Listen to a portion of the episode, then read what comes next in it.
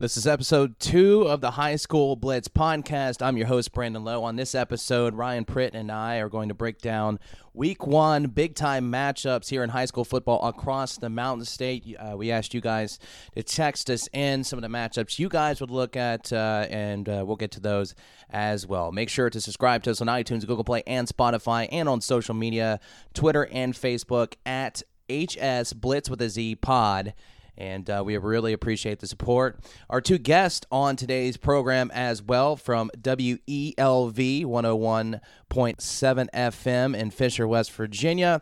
Sam Blizzard, he covers Moorefield, East Hardy, Pendleton County, and Petersburg. We'll check in on a little preview on those teams as well as he has a preview magazine called the Mountain State Pigskin Preview. We'll talk to him about that as well. And our other guest, Huntington Highlanders head football coach Billy Seals, as he gets ready for another season there in the MSAC. They open up their season against the Riverside Warriors at home on September 6th. All right, this is episode two of the High School Blitz podcast. Please enjoy. providing you extensive coverage with a different attitude. Not your boring, everyday, run of the mill high school sports show. This, this is the High School Blitz with your host, Brandon Lowe, and his, due to a conflict of interest, not his official co host, but an official contributor, the Gazette Mail's Ryan Pritt. Now to the guys. All right, welcome into episode two of the High School Blitz. I'm your host, Brandon Lowe. On the line is my non official co host. He's a contributor. Also, we have uh, told you he's my best friend on the show. He is from the Gazette Mail, Ryan Pritt. Ryan, how are things, my friend? Man, good. Inching a little bit closer here, aren't we? What are we? A few days away from the first game, really. I think there's a couple on Monday, so we're there.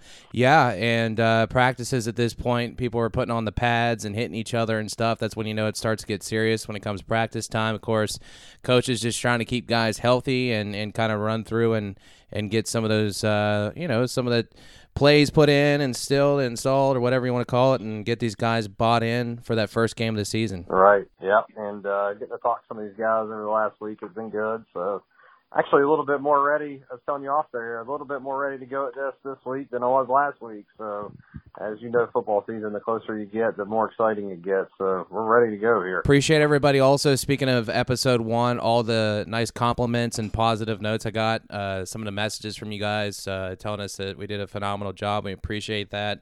Um, kind of just a trial run there in the first episode. We hope to get better each and every episode and Make sure to you know subscribe and all that good stuff on all the streaming platforms: iTunes, Google Play, Spotify. Uh, we're on seven other ones too, Stitcher Radio. I can't name all of them, but just uh, search us, Google us, and uh, give us a, a, little subscribe or a, a, rating, and we'd appreciate that. And of course, follow us on the social media as well at HS Blitz with a Z Pod on both Facebook and Twitter. Um, all right, let's start with this, Ryan. There's this conversation. It, it stirred up a few months back at least, but now it's starting to kind of become a serious conversation. As you know, for over two decades, Wheeling Island Stadium has been the home of the Super Six, and now uh, the state's three high school football championship game uh, will be held at Northern Panhandle this year, but could be changing down the line. You got delegate Marty Gearheart. He's uh, put together this uh, this group called Super Six South. They're attempting to bring a rotation to the state high school football championships that would allow Mercer County to host them every other year, which is down there where Bluefield is. Um, we talked about Bluefield High School and that uh, Mitchell Stadium over there. It's beautiful, ten thousand seat uh, venue, and you know it, it is wonderful. But um, I think a lot of people uh, probably probably you know disturb the the natives a little bit up there in Wheeling, bringing up this proposal. But uh, what are your initial thoughts of this proposal, Ryan? Yeah, I mean, Bluefield obviously, as we've talked about before, has the facility to do it. Um, and like you said, um, it's a beautiful place to watch football down there. Um, a lot of great football fans in the area too. Um, where Wheeling really tends to have an advantage when it comes to this proposal because Bluefield's certainly not the first place to ever try to challenge to get it from Wheeling over the last 20 years. Um, is what it's able to do to, uh, in terms of lodging, in terms of area restaurants, in terms of, you know, perks for kids that come up there and the way that, that teams get treated once they're there. That, that aspect of it, Wheeling has absolutely knocked it out of the park over the last 20 years. And, and that part of that proposal, has really helped them keep a stranglehold on this event for the last two decades. Now, will Bluefield be able to put together anything like that to challenge for that? I, I don't know. Um, obviously, that'll be within the proposal that will get put in front of the SSAC. But um, yeah, you know, it's certainly interesting. Anytime you're talking about moving this thing, um, as often as it's been talked about over the years, it's been in Wheeling for a long, long time, and I think it's going to take something pretty special to get it away from there at this point. Yeah, I agree with you. I think the number one thing that you named there was lodging. I think that's going to be the part where you can't compete with Wheeling, and Wheeling has made it nothing but first class, as you know, despite the fact that a lot of people in this area even wanted to come back to Charleston. Um, you know, and you got Bluefield High School, and then they're talking about also nearby Graham High School in Virginia to use for those games or whatever. So He's uh, Gearheart said that uh, Mitchell Stadium fits the uh, SSAC's qualification for parking, attendance, and everything you could possibly want. He uh, he said that on uh, Metro News, and then he also said that uh, Honeycutt Stadium it has less capacity but great parking and turf. Final decision will be up to the SSAC, uh, but we have two outstanding stadiums. Which you know, I, I get it. You know, we used to do the they used to do the ro- rotation, as you know. Uh, so every Super Six since '94 was, uh, I believe, Wheeling Island. And then previously, the games were played at UC Stadium with Laidley each year. That was 79 and 93. And then they had that exception in Morgantown. They hosted in 88 when the stadium underwent repair. So Wheeling's had this thing for a while. There's a reason why Wheeling's had this thing for a while. Of course, nobody's really gone against them uh, and fought, but this is really the real true fight that we've seen. Um, but I, I tend to think if we're going to I think we just we don't fix something that's not broken. That's just how I think of think of this situation. Yeah, and I think you know, it, look, Wheeling. There's nothing that Wheeling's doing any worse than it's been doing over the last 20 years, and that's why I say. I mean, it's going to take something pretty special for anywhere to wrestle it away right now. Um, and obviously, maybe Bluefield comes up with that. Who, who knows what's all in the fine print of, of the proposal that that gets sent in, but I would be surprised if there's any changes on location anytime soon. All right, let's put that to bed until uh, you know something actually is official. It's really just a conversation uh, right now. Of course, it wouldn't go up for bid until the following year, I believe. So they got this year, and then it'll go up for bid officially next year. So we'll just have to see what happens with that whole thing. It just makes for an interesting conversation at this point. Um, but I think we both can agree right now that Wheeling is is the answer and should remain the site for Super Six. Um, let's uh, let's go over to these uh, Week One matches. We told you in the first episode that we're gonna take a look at some of these top matchups in Week One. Of course, there's excitement of every matchup uh, with football starting. Every single game is exciting with it being the first game of the season. I asked you guys to text us some matchups you guys want to you know want us to talk about. Um, let's go to the first text. They uh, asked us to do a preview and breakdown of Shady Spring versus Lincoln County. Um, I'm not really familiar with both those teams. I, I, I mean, Ryan, maybe you can help me out with this. Uh, Shady Spring and Lincoln County. Are you familiar with what they're bringing this year? Um, not not as much as some of our locals. Obviously, I know Lincoln County had a decent year last year. Um, mm-hmm. Of course, Shady. Actually, funny story. Probably the coldest football game I've ever seen was at Shady Spring. Uh, played Wayne in a double A semifinal. Probably 09, 2010, and I got stuck outside, and uh, pretty sure that I have permanent frostbite on two fingers from that game. But um, obviously, in that Beckley area, um, you know, a place that's very steeped in football that that likes football success there, and um, but yeah, I mean, as far as breaking down these guys, I'm not real sure uh, what either of them brought back. I, I've talked to a lot of coaches in the area, just not those two. So, um, like you said, anytime you get a fresh slate those are two teams that are probably pretty hungry for success. It's been a while for both of them, and um, sure it'll be a good one down there in Shady. Yeah, I, I, we haven't had a chance to break down and look at every single. Mostly, uh, we start here in the valley here, and then move our way outside. But yeah, Shady Spring, Lincoln County. I, I think Lincoln County, like you said last year, had a really good season. Um, I'm not sure how young they were. If they're still sort of young team, they bring back a lot of guys. I can see Lincoln County having another good year. But yeah, that's always a good one there. Uh, so that that's kind of a toss up, I think. Uh, especially in the first game of the season. But let's move over to our second text. Uh, Spring Valley uh, at Wayne, week one. Um, this one could get pretty ugly, folks. uh, in my opinion, because Wayne's numbers are really down. Don't know Ryan if you've seen the team photo, um, but Spring Valley could eat Wayne's team twice, maybe three times. And Spring Valley, as we've talked about, is just an absolute monster. The this year coming off an appearance there uh, and possibly almost won a state title. Um, I think Spring Valley has no issues with Wayne in week one. You know, I think Wayne's going to be a really good double A football team. Um, you got to remember this is a team that, that split a conference title last year with Poca and Mingo. So, uh, handed Poca its only regular season loss.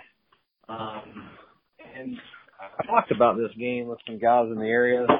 It's just, you know, if this game gets played six, seven years ago, this is a really good football game very well contested. And, in fact, there were probably a few years in there where Wayne would have won this game going away instead of the other way around. But, you know, I'm not sure that it's so much that Wayne's numbers are so down. I think it's more that Spring Valley's are just so up, and that's in comparison to everybody they played, much less a, a double A squad here. So, I mean, I think if if you're trying to pick this game, the safe play is to pick to pick Spring Valley, but you got to remember that's also one of those little brother big brother games, and Spring Valley comes in and and uh, is looking ahead at all. I, I think Wayne can hang around for a while, but in the end, Spring Valley too much depth, too much size, and they just kind of do what they do every week. So.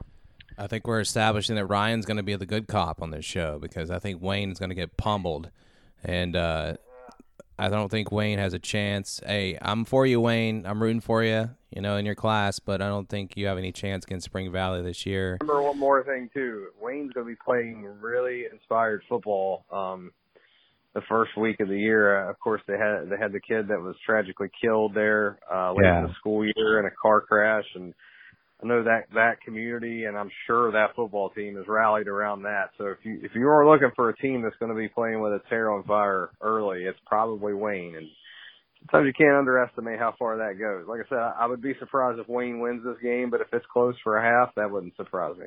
All right, we're rooting for you, Wayne. Good luck in that first game. All right, uh, let's move to Thursday.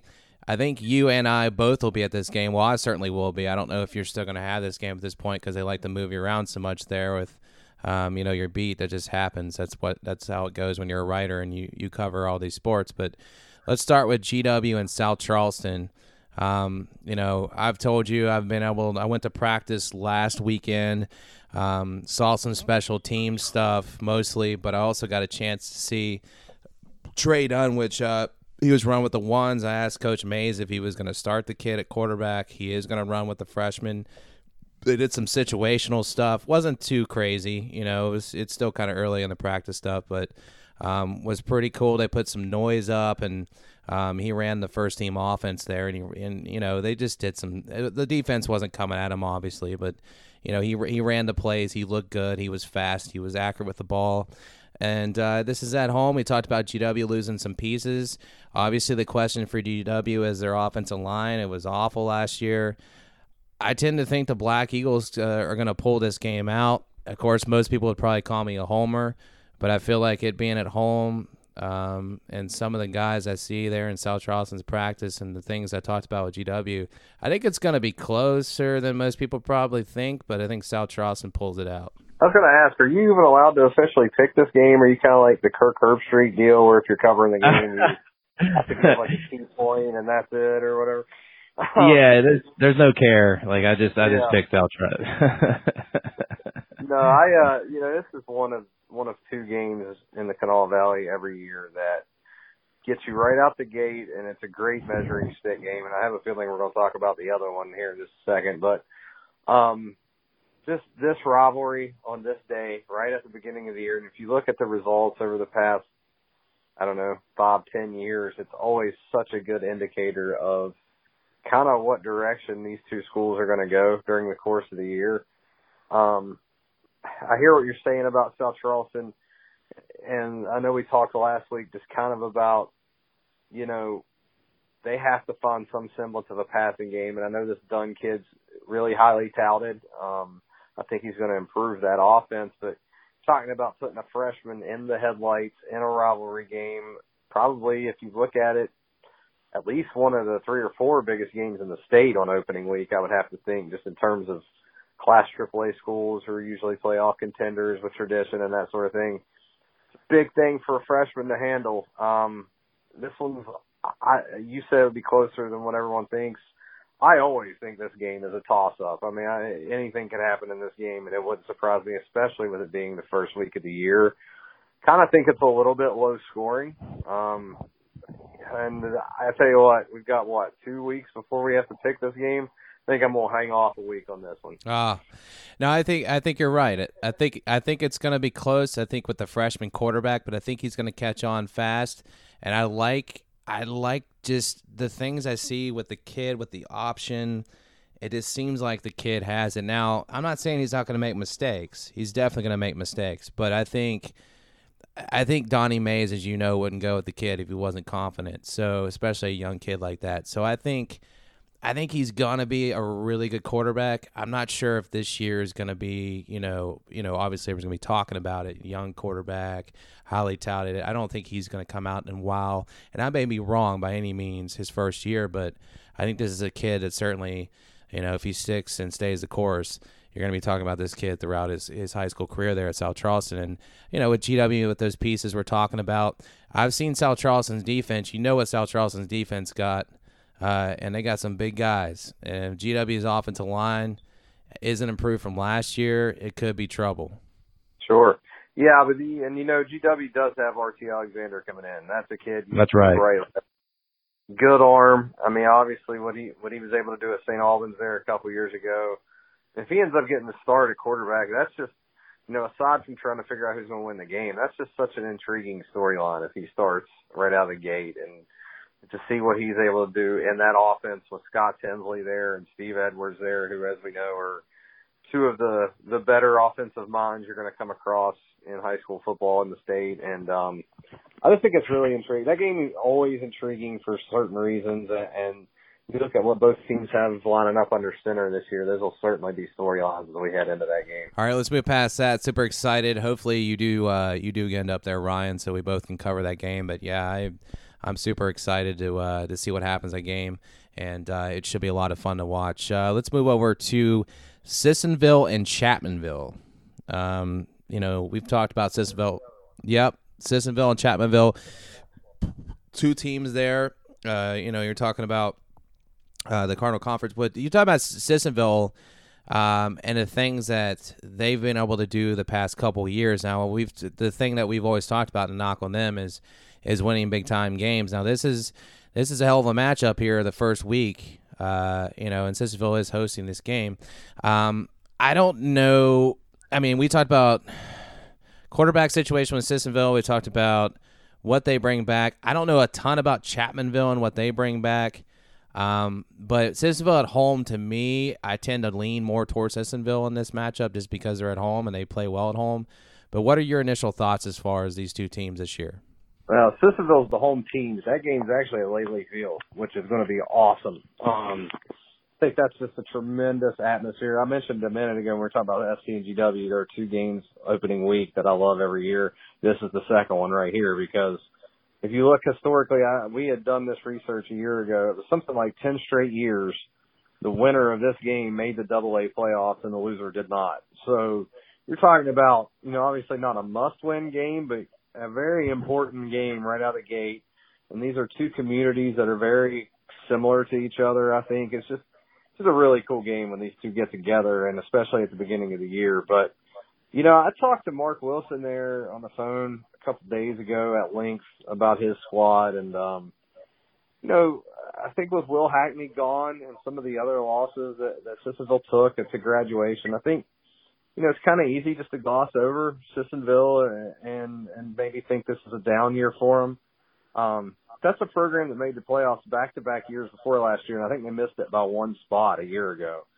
Um, so he's built a program down there, and low key, he likes this team a lot, like a lot. He thinks this team has a lot of potential to surprise some people. He thinks they're deep. They've got guys that are interchangeable at receiver and running back.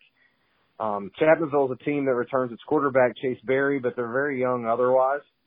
Um, I kind of lean towards Sissonville in this game, and I kind of think after talking on the phone, getting some measurables on some of these kids, and you know, there's a couple kids that transferred in from Ripley on this team that kind of went under the radar. One that came back from Poca after going to Poca after leaving Sissonville Middle.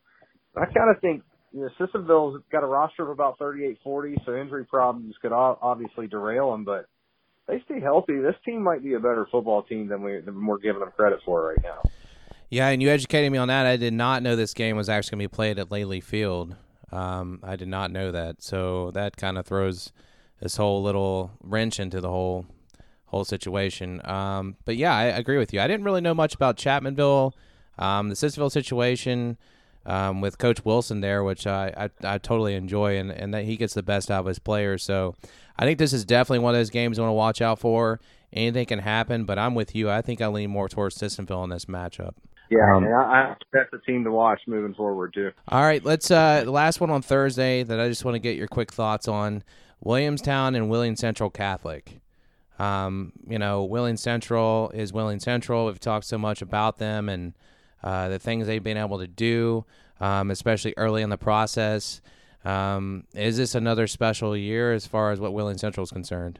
Yeah, and, and the scary part is I think this is Wheeling Central's best team of the last three years. Um, you know, a lot of the kids that led them to that first one two years ago are now seniors. Um, so I, I don't think there's going to be any drop off for the for the Maroon Knights, and this is another cool game to put up front on the schedule. It really is. I mean, I know you like to see a lot of these matchups as you get later into the year too, but you know, last year this was the first week, and you know, Williamstown lost 33 to nothing, and then turned around and made it all the way back to the state title game. So these are two of the, if not the two best programs over the last 10 to 15 years in Class A. I know you have to throw St. Mary's, maybe East Hardy into that discussion, but um, yeah, I just think I think Wheeling Central is basically Martinsburg light at this point. I, I think they're going to be really tough for anyone to do much with in Class A. I remember Wheeling Central and what they did, you know, with the, all those young guys and you know, you told me that when they when they made that miraculous run there, that a lot of people didn't see happen, and up a nice upset as far as seeding wise. When the state title, it's you were like, it's scary how good they got really fast, and then now here they are. You're talking about the best team they've had. It's going to be really scary for anybody else playing Wheeling Central for sure. Yeah, I, I think that team's going to gonna gonna really throw up some impressive numbers. All right, let's move to Friday. I'm gonna throw this one out here. Obviously, John Johnson Central, Kentucky, and Capital. Um, we know what Johnson Central's about over there in Kentucky. It's a a program no stranger to success. Capital is kind of right now. The conversation is they've lost some pieces. Uh, you know the quarterback situation. Everybody's wondering what's going on there, but they do have a lot of talent. I had Chance Knox uh, as far as a uh, kind of a feature player interview this week, and Chance is uh, kind of embracing that number one role. And I like the kid a lot. I think you know he's not a big guy, but he's kind of like a Julian Edelman or something. You know, I like watching the kid run routes. He's very quick and he's a reliable wide receiver. Capital always has a lot of talent, and Coach Carp gets the best out of his players, like we talked about. I tend to think that, and I don't know a lot about Johnson Central. I just know of their history and the guys that they get. I tend to think this is going to be a pretty tough game for Capital right out the gate, especially with everything they're trying to put together. I tend to lean more towards Johnson Central in this matchup. Yeah, I mean, with as many moving parts and holes Capital's trying to fill, um, that would probably be the smart pick there. Um, I might hold my pick off on this one too for another week, but you know, Capital just more than I, think even more important than winning this game is just showing well. I, I I think that this is the kind of game where you're throwing a lot of kids who maybe don't have a, a whole lot of experience into a pretty hot fire when you look at what Johnson Central usually brings to the table. I mean, that's a 4A state champion, what, two or three years ago.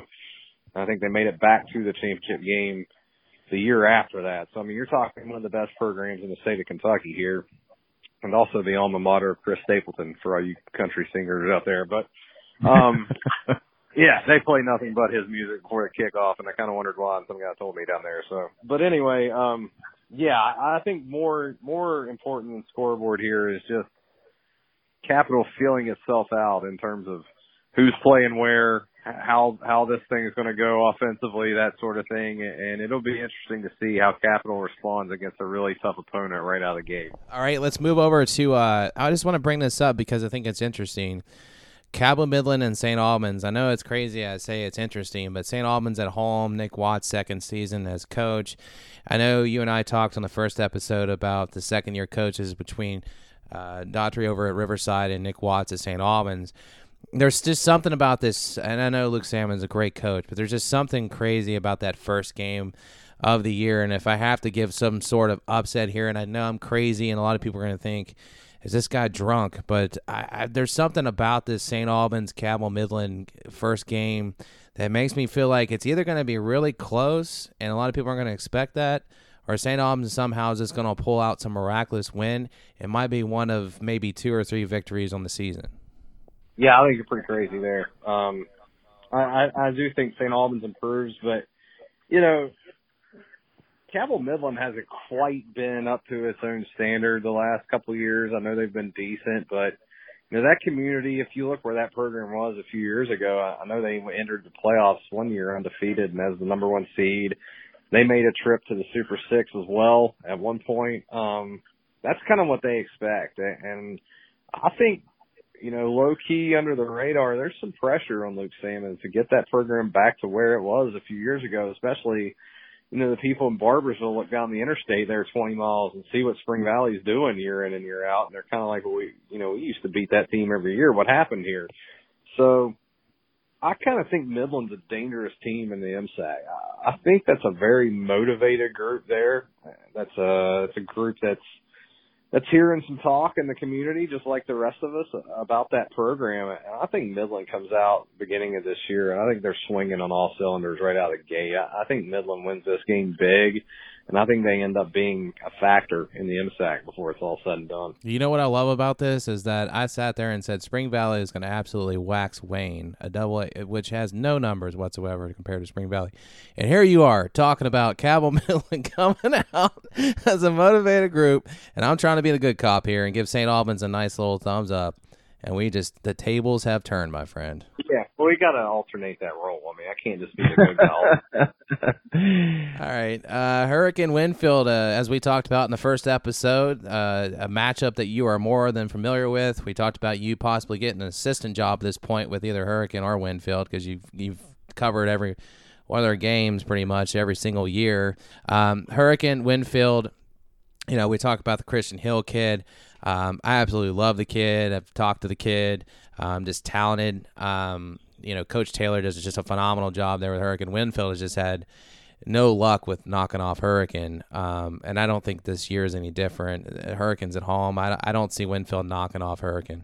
Um, but you know, Winfield's got some nice skill back. Uh, the Stover kid at running back's a nice kid.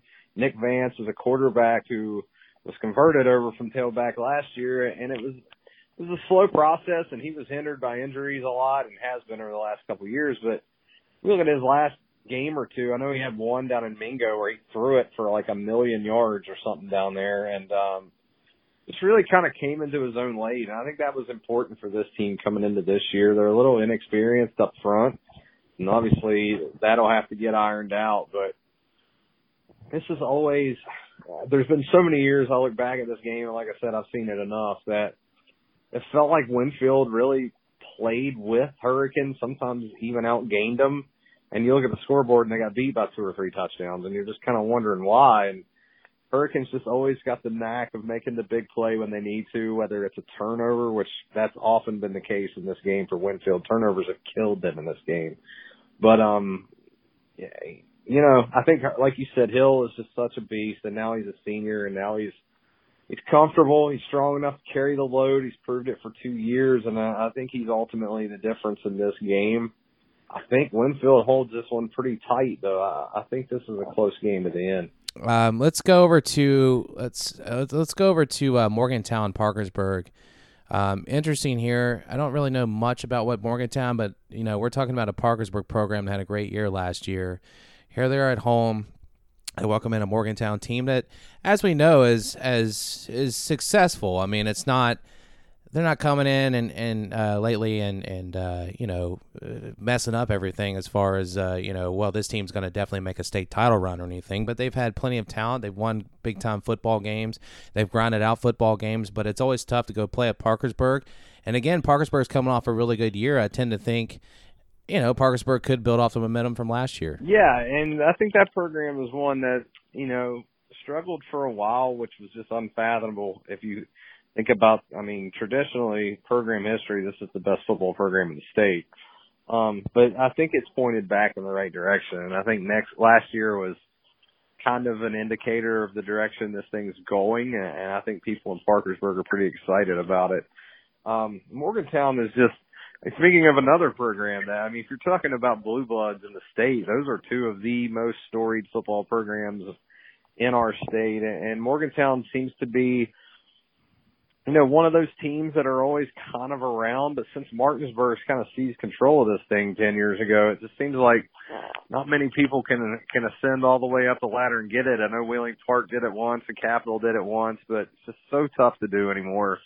And we're talking about measuring stick games week one. Well, here's another one right here. So how serious are you about contending to get to, uh, Wheeling Island at the end of the year? I think this game goes a long way in determining that for both of these teams. Great point by Martinsburg, and you are right. Morgantown, one of those programs that was right there with Parkersburg as far as a blue blood uh, program, and it just shows how powerful Martinsburg has become, uh, controlling up there up in uh, in the Panhandle. But uh, let's move down to Parkersburg South and Ripley. Um, you know. Well, Ripley's, uh, you know, what Death Valley over there. I just love the uh, environment. Over, you know, you've been there and covered stuff. Um, you bring in a Parkersburg South, which speaking of that Parkersburg Parkersburg South game, always one of the games of the year there, despite records. But um, not sure what South brings this year. Is it a program on the rise? Is Ripley? Where's Ripley at right now as well? Yeah, that low key, that's one of the best venues in the state too. Um, I always enjoy covering games at Ripley. Um, and last year they were able to put a really good team in it for the folks to watch. You know, they hosted a playoff game uh, beat Greenbrier East in that home playoff team game, and then and then went out west. I think they played Musselman and got beat pretty good in the second round, but still a really nice step for Ripley uh, from where that program was. I think getting out of the MSAC was really a good thing for that school. They've been able to kind of schedule down a little bit, which you know you can look at it two ways. But if you look at the at the population of that school, they're playing a lot of schools that are closer to them than maybe like a Cabell Midland is, who I think has like a, a thousand more students than Ripley does. So I think that the return of Eddie Smolder from Sissonville a few years back, we know what Eddie is about. He's tough, grinded out football, really good coach, really successful coach. I like where Ripley is, man. I know they went nine and one and they had their losses to graduation just like everyone, but I think that's a program that's pointed in the right direction, and I think they win this game at home. Totally agree. Ripley uh, last year was unbelievable, and uh, you know, like that, like I just said, and you said that home venue. I mean, that's that's a tough, tough place to play. So I'm going Ripley as well. Riverside and Woodrow Wilson, man. I bring this up because Riverside's going on the road, but you talked you talked up Riverside this year, didn't you? Say that it could be a potential playoff team. I think is what you said in the first episode, and this is going to be this is going to be a test. I mean, this is nice little nice little travel uh, for Riverside. So uh, does Riverside grab a big big road win here? Yeah, if Riverside is going to be a playoff team, this is one they got to get right here. I mean, look at their schedule in the MSAC, and of course you got some teams that, that are probably going to get Riverside, and there are games that Riverside has to win, and this is one of them here. I just like Caden Easterling, man. I, I like him a lot. Anytime in high school football, you have running back that you can turn the ball or turn to and hand him the ball and be pretty confident that he's going to move the chains and march up and down the field. It's such a nice weapon to have. I mean, in high school football, it's about running the football and stopping the run. Those are two, still the two things that are going to win football games for you. And I just like the way the Riverside runs the ball. I like the experience they have back at quarterback and Elsie. I think last year was rough for him at times, but sometimes you got to go through those to, to become a better player. And I think he will be a better player. And I like Riverside here, and I like Riverside by a couple touchdowns. I think they make a statement early on here. Nice, I like it. You got to stick with your pick. I mean, if you're going to go playoff team with Riverside, yeah, you you got to stick. I'll, I'll, be flopping enough once the season starts. So right now, I got to at least be good. You flip flopping son of a bitch, you. Uh, all right, uh, let's go over to Herbert Hoover and Scott, man. Uh, Hoover and Scott, we talked about, uh, you know, the things that Hoover's gone through. Obviously, it's uh, no stranger to adversity. Um, what's what's Hoover bring to this matchup here? And you know, uh, I'd like to see Hoover, you know, obviously grab a road win here, but um, I'm not sure what you know what Hoover has been able to build up Um, and I'm not very familiar with Scott too much, but I know Scott and this uh, Hoover Scott matchup is usually pretty fun. Yeah, I actually just got off the phone with Scott coach Shane Griffith about an hour ago, and I talked to Hoover coach Tim Meyer two days ago. So this is one I'm ready for. Um, no, Shane Griffith, the all-time winningest coach in Scott history, returns after being away for three years. He went to take a principal job, ended up coaching at Van, and now he's back. And um, you know, this team he takes over was one and nine last year. Actually, both of these teams were one and nine last year. Hoover's only win was a 47 nothing win over Scott, and Scott uh, beat St. Mary's by a touchdown. But you know, Griffith was telling me, and obviously he's a great coach. I mean, this is a program that was at one time ranked number one in the state not that long ago. Um, I think they had a 10 and 0 season. They were a playoff fixture for a while, and he, he told me it's a very solid senior class. They have a lot of potential among youngsters, though. He expects a freshman to to handle a lot of the ball carrying responsibilities. Um, a kid he's really high on, and um, I I think the future's bright there. And but in talking to to Tim Meyer, you know, also a team is one of nine injuries killed Herbert Hoover last year from the beginning to the end. Um, that's a team that most don't remember played Poca in week nine last year and lost 14 to nine. So when they were healthy, they were a pretty decent football team. Um, and, you know, he kind of likes what he has down there. They're moving Nick Graham over from tight end to take over at quarterback. It's a tough kid with a little bit of size on him. It should fit in really well with that run heavy offense that Hoover runs. And I think Scott, the future is bright for Scott. And I think it, in a couple years, you're going to be talking about a team there, uh, and save this recording so it's like a genius when it happens and delete it if it doesn't. But I think that that's a team in a couple years, two, three years, you're talking top two, three, four teams in the Cardinal. But right now, I think Hoover's probably a little bit more experienced, and I like Hoover in a close game to get this one. Nice, I like it a lot there. Um, all right, Logan and Man, we're no stranger to this one, obviously. You know, Logan's interesting because Logan uh, would come out with some talent uh, the last couple years and then kind of fall off. Um, you know, and this one's always always close between these two teams. Um, I like to lean towards. I'm going to lean towards Logan and a and a road victory here. Am I crazy to think that? No, you know Logan was actually. I mean, at four and six a year ago, that was probably the best four and six season in the state. That was a program that lost its coach right before the year started, and then I don't know if you can remember this last year, but we talked about this on your show. There were rumors that the program might shut down because they didn't have enough players, and then they end up going out and almost finishing 500 in that league, which is pretty remarkable accomplishment considering where that program was right before the year started. And, you know, I think Coach Shepard down there did just a tremendous job in year one. Now he's back. He's had a year to kind of settle in. Uh, they lost obviously quarterback Chucky Felder, who was the leading rusher in the Cardinal last year. I'm also not sure how many people realize that. I know I didn't until I looked it up, but, um, losing, losing him hurts, but this is a team that is as big as any team in the state in any class up front. Um, and talking to some people down there, they've got four alignment at 340 or bigger. A couple mm-hmm. of them touching close to 400. So, you know, whether these kids can move enough to really execute a run block scheme remains to be seen. But if they can, man, that's, you're talking that kind of beef up front. There are very few, if any, schools in the state. That includes Spring Valley and Martinsburg that can say that. So, yeah. obviously, if if Logan's going to get anything done this year, I think it starts up front. But yeah, I'm with you. I, I really like the job he did down there last year. I, I think that was a really uh, a four and six season that's not going to get talked about nearly enough, and, and I think they continue on that. I think that was a big start for something big for them, and I think they get this one as well. Yeah, I totally agree with you. I was just about to. I left that out, the part where you know they've thought about shutting down the, the program, which is you know nothing you ever want to see at any school. You want you want programs to thrive. Um, we talked about the things Herbert Hoover had to do to build up numbers there, and then Logan, of course. And you talk so much about you know uh, population and, and, enrollment, and uh, there's a lot of these programs and schools that are getting hit with those type of things. So uh, good to see Logan bounce back and, and overcome adversity last year. I totally agree with you. That was the best four and six campaign of any school in in the state. So uh, like to see Logan, and that's that's awesome, man. I didn't actually know about some of those linemen. I knew that uh, they had some talent there. That's why I was leaning more towards them. But man, that type of line, Logan definitely could be dangerous if they can get some things going for sure. Yeah, and Logan's always a school that'll produce some athletes. I mean, I don't worry about them having anyone to run the football behind them. I think it's more more a case of are those you know those the size of their linemen is it paired with some skill, and we'll find out pretty quick. But I, you know, week one, I, I think Logan gets that win. And by the way, I covered that game once. That's a tremendous week one game too. What a fun atmosphere that is. Poca Nitro. Um, we kind of talked about it a little bit in the first episode. Zach Davis and both Seth Rams and Zach Davis were on the uh, on the first episode. Um, we know what Poca did last year. Uh, you know, they lost Ethan Payne there in October, which was a huge hit. You and I talked about, you know, and even Coach Ramsey talked about you can't replace a kid like Ethan.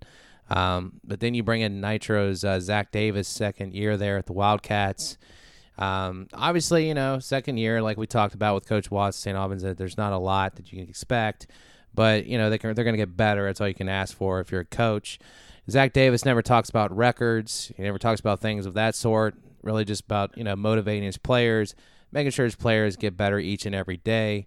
And Poca's just really trying to build off an historic season. And to say that is crazy, as you know, from what what was it, 01 to 03 or or whatnot. I'm just guessing here, but those state championships there uh, you know, Poca is one of those programs that's had a lot of success in the past, and it tends to seem like that. You know, Seth Ramsey going in, I believe, his fourth year. You know, he was a defensive coordinator, and then you know he gets a head coaching gig, and he's totally had this team on the path that he set uh, when he took over the head coaching gig. Much like what Zach Davis is trying to input there at Nitro. So this is an interesting matchup between these two teams. Nitro is at home. Of course, I'm going to lean more towards Poca. I'm hearing Ethan Payne is completely healthy. He's moving nice. Uh, you know, I think it's going to be closer, obviously, than last year. Um, but I think I think Poca ends up getting this win. Yeah, you know, Poca's kind of interesting to me, and on the surface, you know, kind of just going into the year, you know, you look at what they did last year, and of course they bring a healthy Ethan Payne back, and that kid's as good as anybody you're going to find around here. He just is. Um, so you're kind of expecting big things from Poca, but then, I mean, you talk to, you know, Coach Ramsey down there and they lose almost their entire offensive front and their defensive front. And obviously in high school football, that's a big deal there. I mean, you're talking about trenches or where you win games and, and then we heard news that came out there the other day that Owen McClanahan's out for the season, uh, tore an ACL in the last practice of the three week period. And that was a kid that kind of took over for Ethan Payne when Payne got hurt. And he was a really nice change of pace in the backfield there for the Dots, um, and an important piece of their offense. So how much of this load can Payne carry? Uh, you know, uh, how well can they even open up holes for him? But you know, Nitro is a team with a quarterback back, the low kid's back, and it'll be interesting to see how much he's improved from year one to year two. They they lose some pieces too. You know, Tate Calloway goes back to Capital for you know first time since his freshman year, and that takes an explosive weapon away from Nitro as well. In the end, I kind of agree with you. Uh, I think Poca probably wins the game. Um, I think it's probably a little closer than people think, and you know the job Zach Davis did at Riverside and I said it last year, I'll say it all year. I, I think he's one of our best football minds when it comes to just knowledge of the game. And I think he's going to get Nitro there. I just think it's not quite there yet. But, you know, Nitro's a team to look out for later in the year. I think they're going to win a couple games that maybe they shouldn't. I just don't think it's this one. If you remember, Nitro last year had several opportunities to win games they shouldn't, and uh, things just didn't go their way. So I think, you know, as you, I totally agree with you, Zach Davis, and I might be a little biased just – in, in Zach Davis, but you know, uh, speaking with him more than a lot of coaches in the state. But Zach Davis, you know, he does the blog thing with the coaches, and uh, he does a thing with a podcast, which he uh, extended an invite the other day, and I need to get on that podcast. But just a great mind. If you ever get a chance, check out his coach's blog that he does. It's just tremendous, and uh, he's definitely a type of coach that if he has enough time, as most great coaches, he can definitely turn a program into a winner for sure. Yeah, absolutely. And, you know, don't undersell how big of a rivalry game this is, too. I sure want this game, make no mistake about it, especially after what happened last year. So, you know, those rivalry games, man, crazy things can happen. But, yeah, I think this one's a little bit more eventful than maybe I thought so, to kind of looking at this schedule earlier in the summer, and probably a lot of people think so looking on paper. All right, uh, we're going to finish it up, unless I've left a game off that you think of, but we're going to finish it up with Saturday – Mingo Central and Pikeville, Kentucky. It's an 8:30 contest. Mingo Central does have to travel there. We know about Pikeville uh, and some of the things they've done there. But uh, Mingo Central is interesting. You know, they got the coach. I believe it's what he's in his second year there at Mingo since Yogi Kinder ended up stepping down. So, um, what are your overall thoughts as far as Mingo Central? You know, they bring back the coach they had between Kinder and him too as an offensive coordinator now. Joey Fields is back after coaching at at Martinsburg for a year, but you know, I got to do a little research on Mingo and in terms of offensive production, this is the best returning offense in the state. Um, you're talking about a quarterback that threw for 46 touchdowns last year in Dylan Goad. Now, obviously, the kid from Fairmont, whose name's slipping my mind real quick, won the Kennedy with 46 touchdowns, but it also took him three more games to do it than it took this kid at Mingo. Um, you're talking about Drew Hatfield. If you look at his career numbers, I mean, over 3,000 yards receiving in three years. Um, just, I think 30 some touchdowns. I mean, this team can do it offensively. In Class AA, Mingo Central will be one of the best offenses in the state, period. The problem with Mingo is how do you turn around a defense that allowed 29 points a game last year? I think that's the biggest key for Mingo. If they can get some defensive consistency, this team can contend for a state title. And I think it starts opening week, and I, I think they find a way to outscore Pikeville right out of the gate. All right, good stuff. There's week one as far as some of the games are looking towards some rivals, and then some uh, some just some interesting out of state uh, matchups coming in to play some of these West Virginia teams. But uh, if there's any other games we left off, of course, you know, just comment on uh, episode two and, and let us know, and we'll get back to you as far as either social media or something of that sort. Maybe we'll write you a letter or something. I feel like Ryan's one of those guys that write letters. You still write letters, Ryan? Uh, not for a while. Mostly they just get written to me with a lot of words I can't say on the air. So. well, there it is. Uh, there's the matchups for week one. Uh, we'll come up with some stuff for uh, the next episode. Maybe uh, I don't know. Maybe somebody can send us some topics or something. But uh, by the way, by team by week for teams: Magnolia, Huntington, Princeton, Point Pleasant, and Wyoming East uh, for those that uh, were looking for some coverage on those teams. So yeah, Point Pleasant has two bye weeks, I believe. Yeah, which is which is crazy to me. I don't understand the whole. Uh, I don't even understand the week, which I guess is helps the coaches. I guess when you have that extra game, is that what it is? You have an extra game. Is that why they have a bye? Yeah, Point Point is actually a game short, and they historically have been so often a okay. nine game schedule and the two bye okay. weeks they had just happened to fall right out of the gate. So it's kind of weird, but it, it gives David Darst an extra chance to get those guys ready. Ryan, appreciate your extra expertise as usual. My best friend, my contributor on the show, uh, good cop, sometimes bad cop. Uh, he is Ryan Pritt. Make sure to follow him on Twitter at capital R uh, capital P with Pritt, R I T T. And uh, he does a phenomenal job there with Gazette covering all prep sports. And we'll continue to bring you coverage, especially throughout the season when uh, these games start to turn out a little bit. But Ryan, appreciate you uh, coming on and, uh, you know doing this podcast with me, my friend.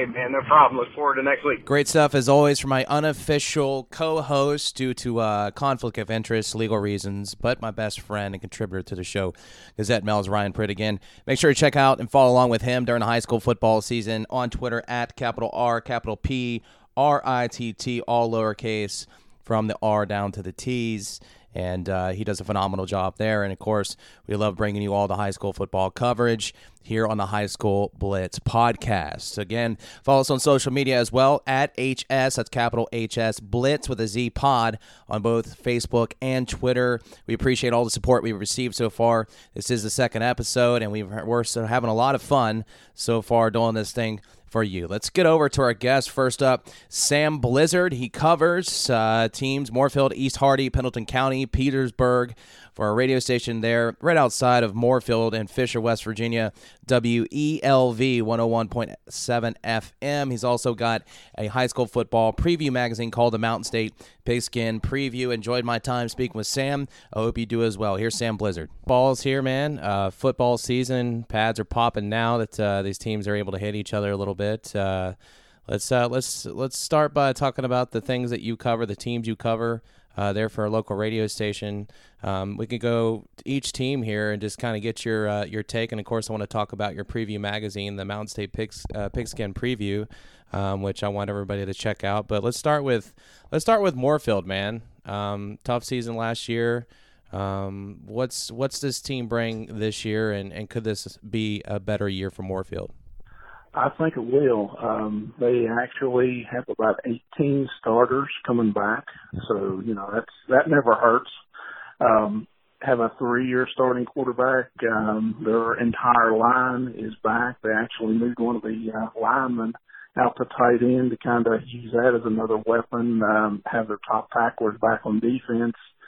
I think Moorefield really could be a sleeper this year, Brandon. Um, hard to think, you know, back 20 years with what Moorefield was doing with the state titles and stuff, but, uh, you know, I think Moorfield, uh, could be a playoff team this year potentially. Always uh, good to see. Usually, a team, especially in high school, you know, they have their years, they have their traditions, but usually you can point to youth uh, when teams are struggling. You know, I point to even uh, South Charleston, who is a team that I'm going to be covering uh, and doing some things for this year. Donnie Mays there had a trouble keeping guys, you know, healthy, but also didn't have a lot of numbers.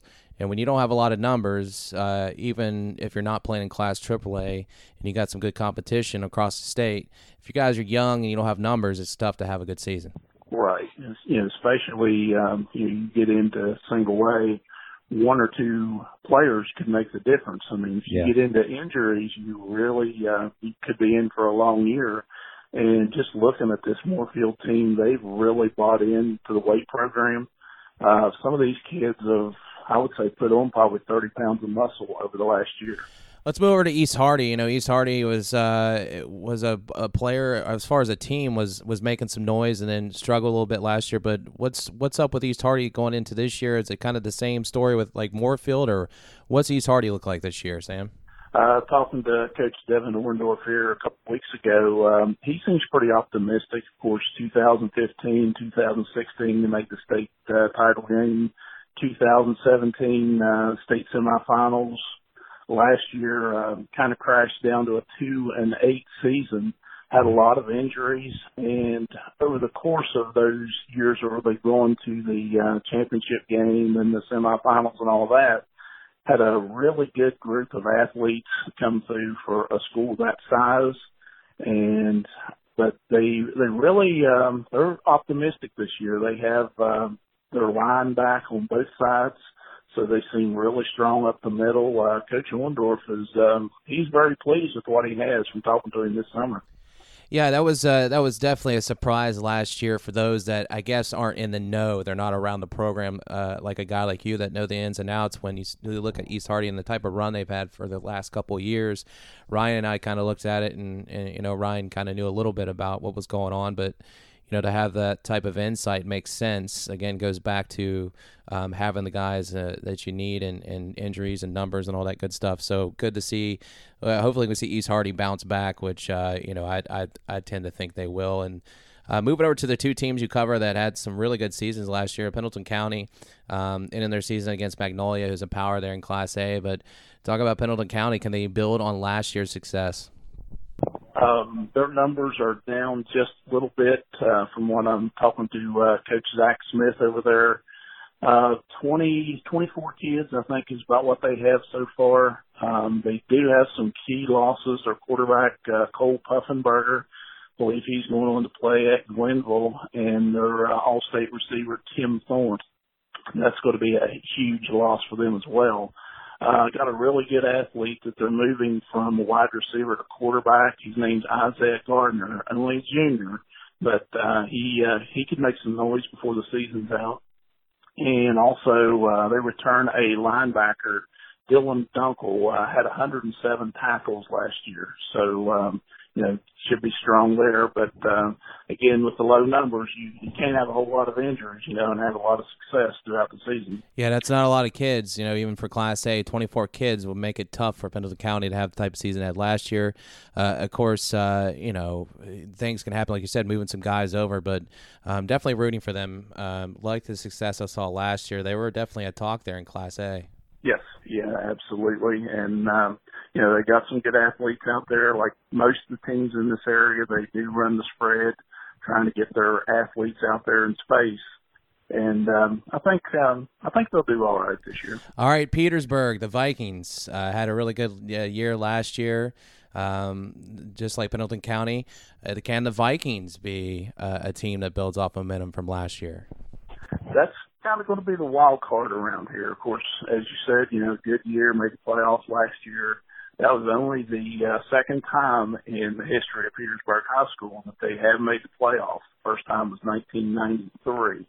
Uh, they do have a new coach, uh, Kevin Board, who had been there the last four years. He moves on to New Lexington, Ohio. Uh, new coach there is Winston Redmond. He was a, uh, he's a Petersburg grad from early 80s and uh, he's got a lot of experience. Uh, most recently, he was coaching in Pennsylvania, where he was coach of the year in his district up there. Uh, they do have some uh, key losses. Uh, Jacob Hartman, their quarterback, uh, holds all the passing records. Um, had a linebacker, Doug Morale. He had over 250 tackles combined the last couple of years.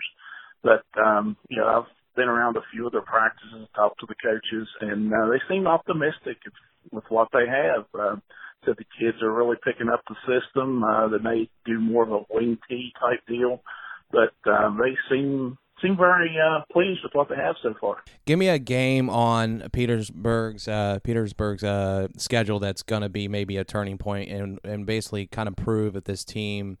Uh, can build off success from last year, maybe, and, and show that they are kind of for real. Is there a certain game that you're looking towards, uh, whether it's the first game, whether it's the middle of the schedule. Where do we where do we find out where this Vikings team is?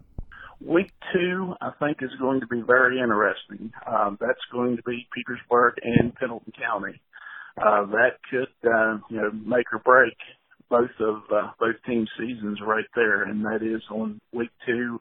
That game, I believe, is going to be over in Franklin or home of Pendleton County this year. But uh, that's one that I'm keeping an eye on anyway. Certainly. All right, let's. Uh, that's great, man. I love all that stuff. Let's talk about your preview magazine, Mountain State Pigskin Preview. Um, kind of talk about uh, what those will get when they when they open up the preview. Well. Um, this will be the third year that I've done this. It all kind of started out of uh, doing radio. This will be my seventh year of doing play by play, and you know, like like most areas, there's uh, fans here not only of the local teams but of high school football in the state in general. And once you get down towards playoff time, everybody starts looking at potential matchups and all of that. And you know, a lot of people just wanted the information from, you know, what, what does this team have? What does that team have from around the state? And, you know, I just kind of, uh, put all this together. It started out just as a, a list of what each team has coming back and all that. But, um, I went ahead and put a magazine together. And like I said, it's the third year. Um, I do uh, short stories here on uh, the four local teams that we just talked about uh, do uh, capsules on uh, the other 111 teams in the state, uh, preseason polls, award predictions, uh, playoff recaps from last year, uh, comprehensive history as far as former Kennedy Award winners, past state champions, um, a lot of things of that nature. But uh, you know, kind of kind of look at preseason polls. That's something that I watch to keep an eye on. Of course, everybody this time of year is kind of doing that, but that's kind of a synopsis of what we do anyway.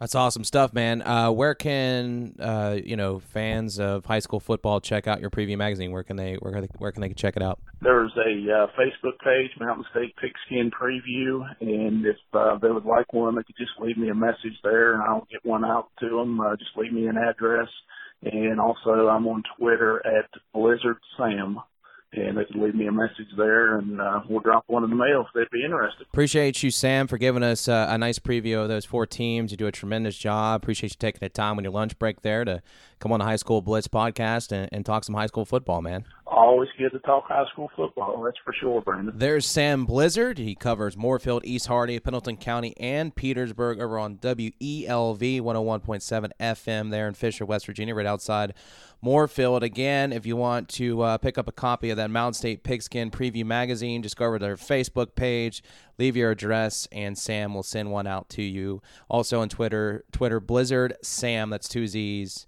Uh, Sam on Twitter and you can do that as well. All right, let's move our attention over to our next guest, head football coach, the Huntington Highlanders, Billy Seals. He's got a young team No more Darnell Wright. He's off to Tennessee, but he does have some leaders to build on and uh, help him along the way this year as well, like Brockton Blair, the number one linebacker in the state. They open their season up against the Riverside Warriors on September 6th, so they got a bye week. Here's Coach Seals. All right, well, let's uh, let's start with practice. How have the kids been so far in the beginning stages here in practice?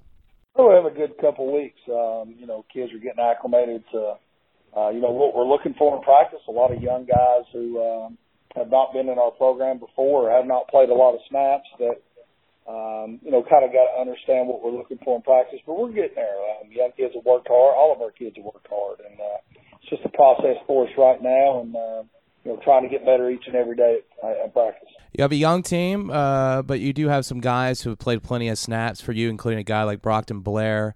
How have those guys stepped up to help the younger guys come along? Well, every, I think every player is a little bit different as far as leadership skills. Brockton is more of a kid that uh, doesn't say a whole lot, but just the way he practices, just uh, you can tell the young kids are paying attention to you know him and, and the way he does drills, how he's always full speed.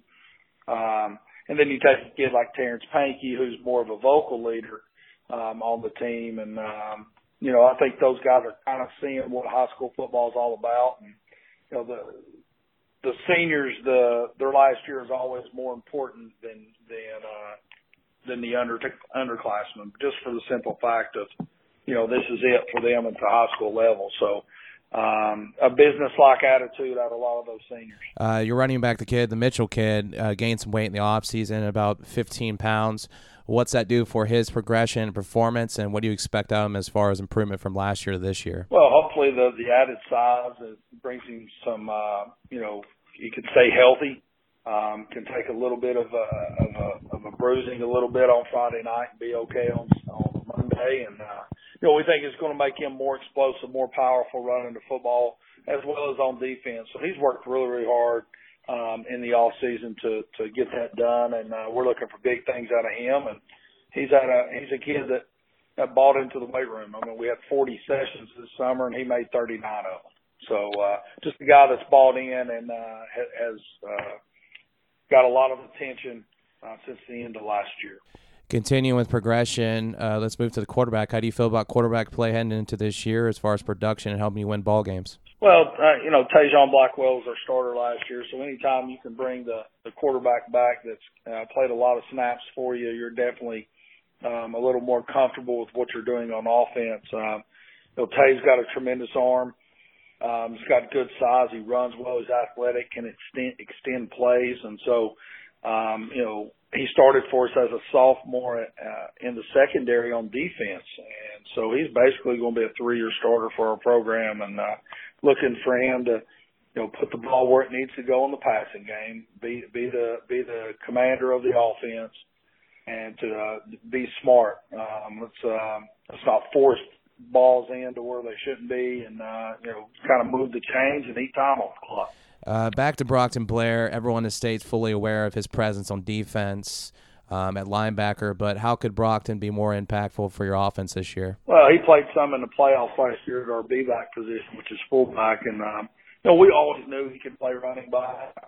For a couple of years there, eight days there, pretty good himself. So we just put uh, Brockton on defense and let him solely concentrate on that. But he's a kid that's going to play both the ball. I'm firm football, you got to put your best kids on the field. Uh, I don't think you can platoon in high school football, and so he's definitely will get uh, a lot more carries than what he got last year um, in the backfield. And he's just again another senior who's played a lot of snaps for us. It's big and physical and uh, tough, hard nosed kid. Give us a little behind the scenes as far as kids. Uh, we talk about some young kids, but maybe some kids that played last year or some up and comers for your team this year that maybe might explode on the scene a little bit, maybe step up a little bit as far as a bigger role of production. Kind of your time to kind of brag about some kids for this year, Coach. Well, a couple of kids that come to mind first. We got a lot. Number one, the first couple of kids that come to mind. One of them's uh, Maxwell Wentz. Um, he'll play left tackle for us um, as a sophomore this year. Obviously didn't play a whole lot of snaps last year. He was behind a pretty good offensive lineman in Darnell Wright. So uh, he, uh, we think he's going to be a really good player for us. About six three and a half, about 270 pounds. Um, good physical, tough kid. Uh, Devin Jackson, a kid, uh, unfortunately for us, uh, week one last year against Belfry, had a season-ending injury. Um, he was going to be a two-way starter for us as a sophomore, so uh, that speaks volumes to his ability. Look for him to have a big year. Pete Lopatron, a kid that's played a lot of snaps for us as well over the last couple of years. Eli Archer, a kid that transferred in from Chesapeake High School, uh, six three and a half, two fifteen, tight end, defensive end. So we got a lot of guys. I mean, it's it's going to be a uh, a collection of the entire team in order for us to be where we want to be at the end. Looking at the schedule, we talked previously about uh, some some home games there. That I know you were on the road for what six games I believe last year. So now you flip it, and now you got some uh, some some home games there. Your schedule or your uh, your record at home the past couple years have been fantastic. Um, so when you look at that, that's got to be good for you as a coach. Now it's tough playing in the uh, MSAC every single year. Uh, what's kind of your early uh, kind of I guess outlook of the uh, the conference this year? It seems pretty wide open for the most part. Well, I think it is. I mean, you look at the MSAC, and then uh, you know, seems like every year there's uh, at least five or six teams that can win the thing. So it's just a very, very tough conference. You don't you don't get an opportunity to to relax and take a deep breath and, and kind of sit back and uh you know, walk out on the field and you got to execute and all those things every single Friday night in MSAC. You got to play great football. And, uh, our schedule is tough as it always is. We don't shy away from playing people. Um, we are fortunate we have six home games, but if you look at those six opponents that are coming into Bob Sang Stadium, they're all really, really good. And so we're going to have to play great football, um, at home as well as on the road. I mean, you got to go to Parkersburg, GW, you got to go to Woodrow. Um, we've got got to go to Hurricane, who I think is, is probably as good as anybody in the conference. So just a very very tough schedule. It's kind of a war of attrition, and uh, we got to stay healthy and, and continue to progress each day of practice. Let's end with that as far as keeping guys healthy. You do have uh, the extra week. A lot of people starting either the 29th, even got a game on the 26th. Then the 30th, but you guys have an extra week at the beginning of the season, and you guys won't start until September 6th, and then it's a gauntlet of a schedule throughout. Um, you're just straight through all the way through the schedule. Do you like the extra week at the top? Would you rather have the extra week through? I mean, what's uh looking at that schedule? I mean, you're definitely have to stay healthy. Yeah, I mean, I'm I'm not a fan of having week one off, um, but it's just the way the schedule played out. We only had nine games up until about in April. Um, had somebody drop them, and the only week they had available was week six. So we had to give up our week six bye week and go to week one uh, for our bye week or open week. So, yeah, I think I think it is for us this year for the simple fact we're so young. It gives us a little more time as far as um, we're not we're not pushing the envelope on install. We're kind of taking slow and steady making sure our kids understand what we want. And I think that's been to our advantage up to this point. But man, when we hit about week six, I'm probably going to be wishing we had a bye week somewhere in there. Coach, appreciate your uh, your time. Thanks again for uh, calling back in and, and and redoing the interview here, September sixth, uh, against Riverside at home. Uh, good luck to you guys, and, and of course, I'll be talking to you throughout the season. Thanks, appreciate it. All right, that does it for episode two of the High School Blitz podcast. Want to thank my not co-host but contributor and best friend on the show, Ryan Pritt, for again coming on and giving his expert insight on all things high school football. Again, also to my guest Sam Blizzard. Be sure to follow him on Twitter, Blizzard Sam. Also on Facebook to get that uh, Mountain State Pigskin Preview Magazine. Um, just go over their Facebook page, leave a message uh, an address, and he'll send that over as well. Make sure to check out his coverage over there at 101.7 FM WELD there in Fisher, West Virginia, right outside of Moorefield. Wish him luck this season in covering Moorefield, East Hardy, Pendleton County, and Petersburg. Also, to my other guest, Huntington Highlanders head football coach Billy Seals. We actually recorded the interview day before. My thing crashed, and uh, I had to actually re record again today. So thanks again to Coach. He's a class act. We wish the Highlanders luck this season as they open their season September 6th against Riverside at home. Be sure to follow us on Facebook and Twitter at HS Blitz Pod. And uh, subscribe to us on iTunes, Google Play, Spotify. Give us a nice rating, all that good stuff. Thank you for all the kind sentiments in episode one. Hopefully, you guys enjoy this episode as well. Until next Thursday, this is the High School Blitz Podcast.